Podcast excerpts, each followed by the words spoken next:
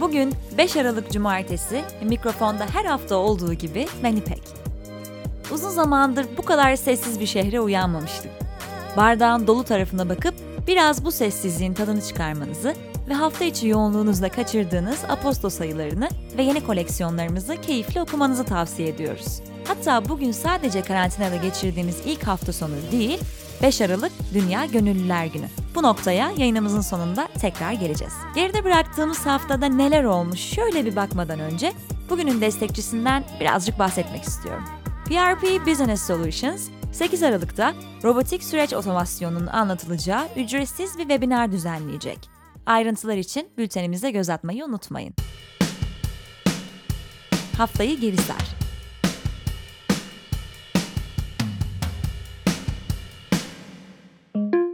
Cumhurbaşkanı Erdoğan yeni COVID-19 tedbirlerini açıkladı. Bu kapsamda hafta içi 21-5 saatleri arasında ve hafta sonu cuma akşamı 21'den pazartesi sabah 5'e kadar kesintisiz sokağa çıkma kısıtlaması uygulanmaya başlandı. Habertürk kanalında katıldığı bir programda kullandığı sözler sebebiyle CHP milletvekili Ali Mahir Başarır hakkında soruşturma başlatıldı. Rütük'ten Habertürk'e 5 kez program durdurma ve para cezası verildi. İstanbul Büyükşehir Belediye Başkanı Ekrem İmamoğlu'na yönelik suikast ihbarı alındığı ve suikast için görevlendirilen IŞİD militanlarının yakalandığı iddia edildi. Emniyet Genel Müdürlüğü, bir suikast girişimi veya bir suikastçının yakalanması söz konusu değildir açıklamasını paylaştı. Türkiye İstatistik Kurumu'nun açıkladığı verilere göre TÜFE Kasım'da bir önceki aya oranla %2,3, geçtiğimiz yılın aynı ayına oranla %14,3 arttı. Bilgi Teknolojileri ve İletişim Kurumu, sosyal medya düzenlemesi kapsamında Türkiye'de temsilcilik açmaları beklenen Facebook, Twitter, YouTube, TikTok gibi sosyal medya platformuna 30'ar milyon lira para cezası kesti. İran nükleer programının önde gelen isimlerinden nükleer fizikçi Muhsin Fahrizade, uğradığı suikaste hayatını kaybetti. İran yönetimi suikastten İsrail'i sorumlu tutarak misilleme sözü verdi. İran'da meclis, Cumhurbaşkanı Ruhani'nin muhalefetine rağmen nükleer faaliyetlerin hızlandırılmasını öngören tasarıyı kabul etti. Fransa, geniş katılımlı gösterilerle protesto edilen yeni güvenlik yasa tasarısı ile ilgili geri adım atarak bir maddeyi yeniden yazmaya karar verdi. Hafta başında Moderna, aşısının ağır vakaları önlemede %100 etkili, genel anlamdaysa %94,5 etkili olduğunu açıkladı. Birleşik Krallık, Pfizer ve BioNTech'in ortak geliştirdiği COVID-19 aşısının kullanımını onaylayan ilk ülke oldu. Küresel finans endüstrisinin en büyük veri sağlayıcılarından S&P Global, IHS Market'i 44 milyar dolara satın alacağını açıkladı. Bulut tabanlı kurumsal yazılım çözümleri geliştiricisi Salesforce'da ekip işbirliği uygulaması Slack'e 27,7 milyar dolara talip oldu. Müzik gündemi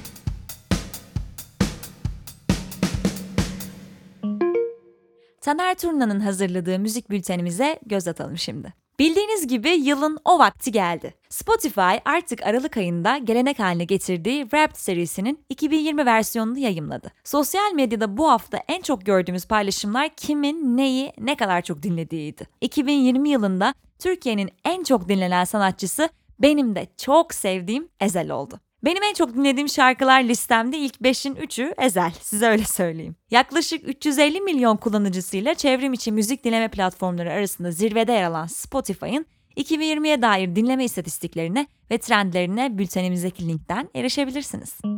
Nils Fram'in Tripping with Nils Fram adını verdiği 8 şarkılık canlı albümü ve konser filmi dijital ortamlarda yerini aldı. Mubi üzerinden yayımlanan ve yönetmenliğini Benoit Tulumon'un üstlendiği konser filmini bültenimizdeki linkten izleyebilir, albüme ise yine aynı linkten ulaşabilirsiniz.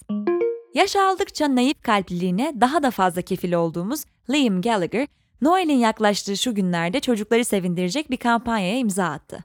Gallagher, sözlerini Simon Aldred ile birlikte kaleme aldığı All You Are Dreaming Of isimli bir şarkı yayımladı. Şarkının 31 Aralık'a kadarki tüm dinlenme ve indirmelerinden elde edilen gelir, Birleşik Krallık merkezi çocuk yardım kuruluşu olan Action for Children'a bağışlanacak.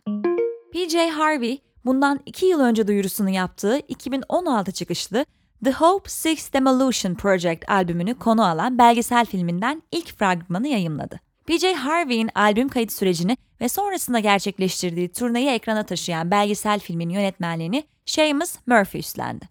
Radarımıza giren yeni albümleri, haftalık olarak güncellenen Spotify'da yayımladığımız haftanın albümleri çalma listemiz üzerinden de takip edebileceğinizi hatırlatıyor ve sinema ve televizyon bültenimize geçiyorum.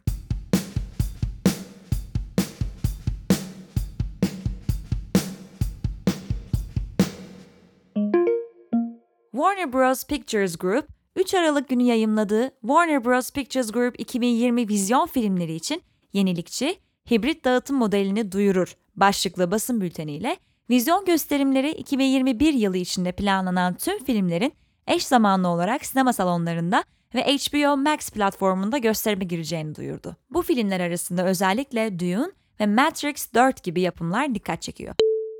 Warner Bros. Pictures Group, geçtiğimiz aylarda 2020 vizyon takvimindeki Denis Villeneuve imzalı Dune, fantastik aksiyon Godzilla vs. Kong, müzikal In the Heights ve animasyon Tom and Jerry gibi filmlerini 2021 yılına ertelemiş, Wonder Woman 1984 filmini ise Noel günü sinemalarla eş zamanlı olarak HBO Max'te yayımlayacağını duyurmuştu.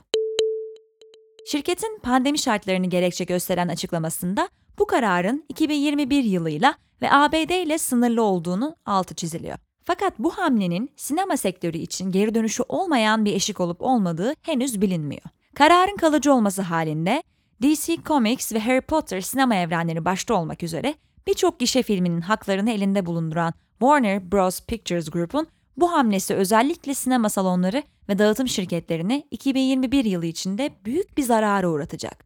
Walt Disney Pictures ve Universal Pictures gibi diğer oyuncuların nasıl bir rekabet stratejisi çizeceği ve korsanla mücadeleye karşı nasıl önlemler alınacağı merakla bekleniyor. Netflix orijinal dizisi The Crown'un 3. ve 4. sezonlarında Kraliçe 2. Elizabeth'in kardeşi Prenses Margaret'ı canlandıran oyuncu Helena Bonham Carter, Netflix'in dizinin kurgusal olduğunu izleyicilere belirtmek gibi bir ahlaki sorumluluğu olduğunu söyledi. Helena Bonham Carter'dan birkaç gün önce Birleşik Krallık Kültür Bakanı Oliver Dowden, Netflix'in dizinin kurmacı olduğunu izleyicilerine en başta net bir şekilde belirtmesi gerektiğini söylemişti. Dizinin önümüzdeki yıl yayımlanması planlanan 5. sezonunda Prenses Diana'nın 20 yıldır birçok tartışmaya ve komple teorisine konu olmuş ölümünün işleneceği biliniyor. Festivallerden başlıklı haberimizin devamına bültenimizden erişebilirsiniz. Tasarım ve mimari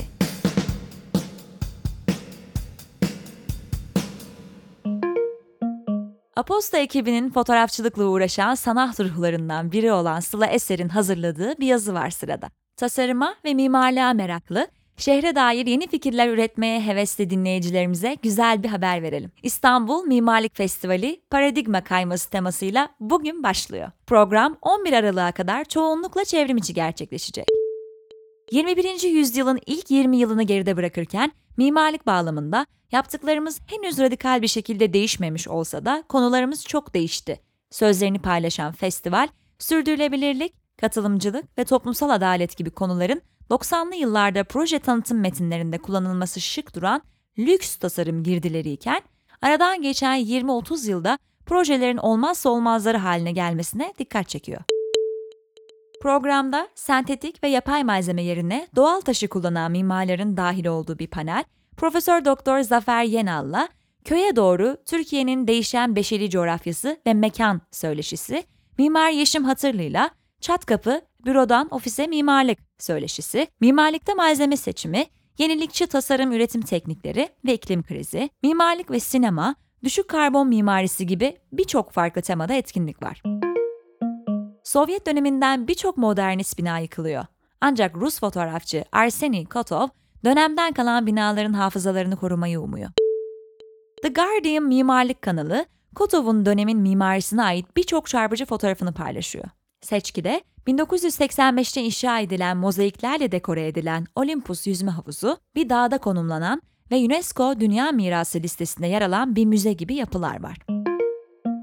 İstanbul Kültür Sanat Vakfı'nın koordinasyonunu yürüttüğü Venedik Mimarlık Bienali Türkiye Pavyonu'nun Kuratöryel ekibi ve katılımcıları tarafından sunulan söyleşilerin, yazıların ve projeden kesitlerin yayımlanacağı web sitesi açıldı. Neyran Tuğra'nın kuratörlüğünde Architecture as Measure, ölçü olarak mimarlık temasıyla proje, Venedik Bienali Uluslararası Mimarlık Sergisi'nin 22 Mayıs 21 Kasım 2021 tarihleri arasında düzenlenecek 17. edisyonunda yer alacak. Tasarımın rolünü basitçe iklim değişikliği sorununa çözüm üretmeye indirgemek yerine mimarlığı çevrenin yeniden tahayyül edildiği bir ölçü olarak düşünebilir miyiz? gibi sorulara odaklanan proje, iklim değişikliğinin yenilenmiş bir mimari bakış gerektiren kültürel ve politik bir fikir olduğunu bizlere hatırlatıyor.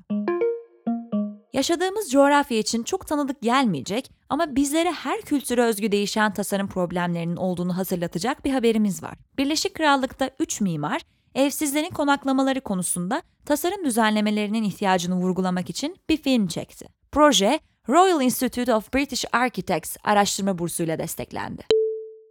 Film, salgın sırasında Birleşik Krallık'taki evsiz gençlerin çarpıcı bir şekilde artmasına dikkat çekiyor ve Londra sokaklarında uyuyan gençlerin sayısının Nisan ve Haziran 2020 arasında %50 arttığını belirtiyor.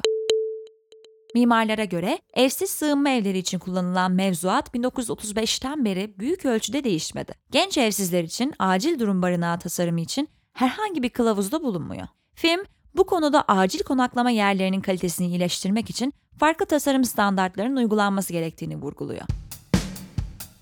Gastronomi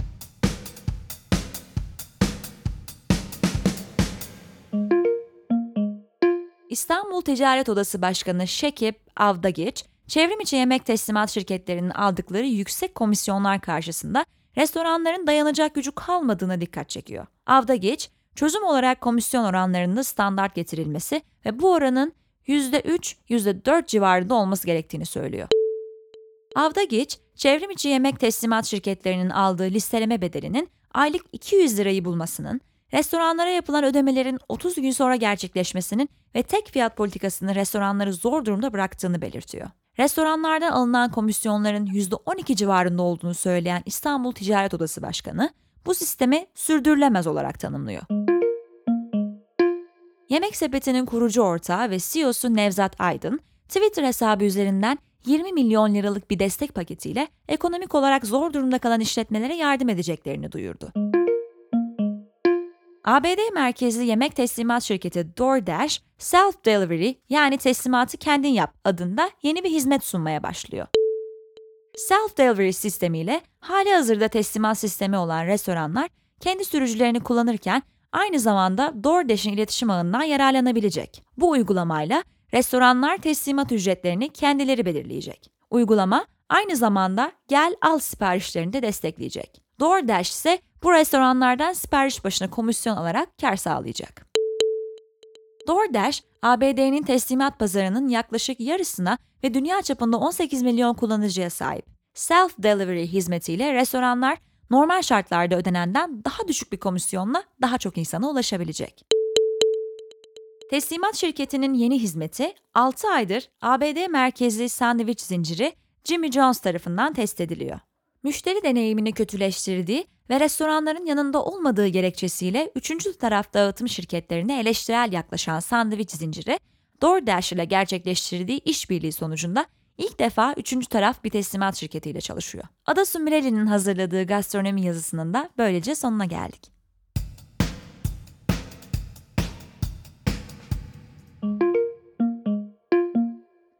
Günün hikayesinde ise Hobbit, Yüzüklerin Efendisi gibi başyapıtların yazarı John Ronald Reuel Tolkien'den bahsediyor İhsan. İhsan Dindar'ın kaleme aldığı yazının başlığı Bir Dünya Kuran Yazar. Devamı bültende sizi bekliyor. Evet sevgili dinleyenler, bugün 5 Aralık Cumartesi ve yayının başında da belirttiğim gibi bugün Dünya Gönüllüler Günü. Bugün Birleşmiş Milletler Gönüllüleri Programı ve Ulusal Gönüllülük Komitesi'nin düzenlediği online düzenlenen bir etkinlikte sanat ve gönüllülük panelinin moderatörlüğünü ben üstleneceğim. Konuyla ilgilenenleri dünyagönüllüleri.org adresine tüm gün boyunca sürecek olan etkinliğe bekliyorum. Panelde Boğaziçi Caz Korosu kurucusu Masis Aram Gözbek, Tiyatro Kooperatifi Başkan Yardımcısı Yeşim Özsoy ve İhtiyaç Haritası platformundan Mehmet Sarıca yer alacak. İlgilenenlere duyurulur.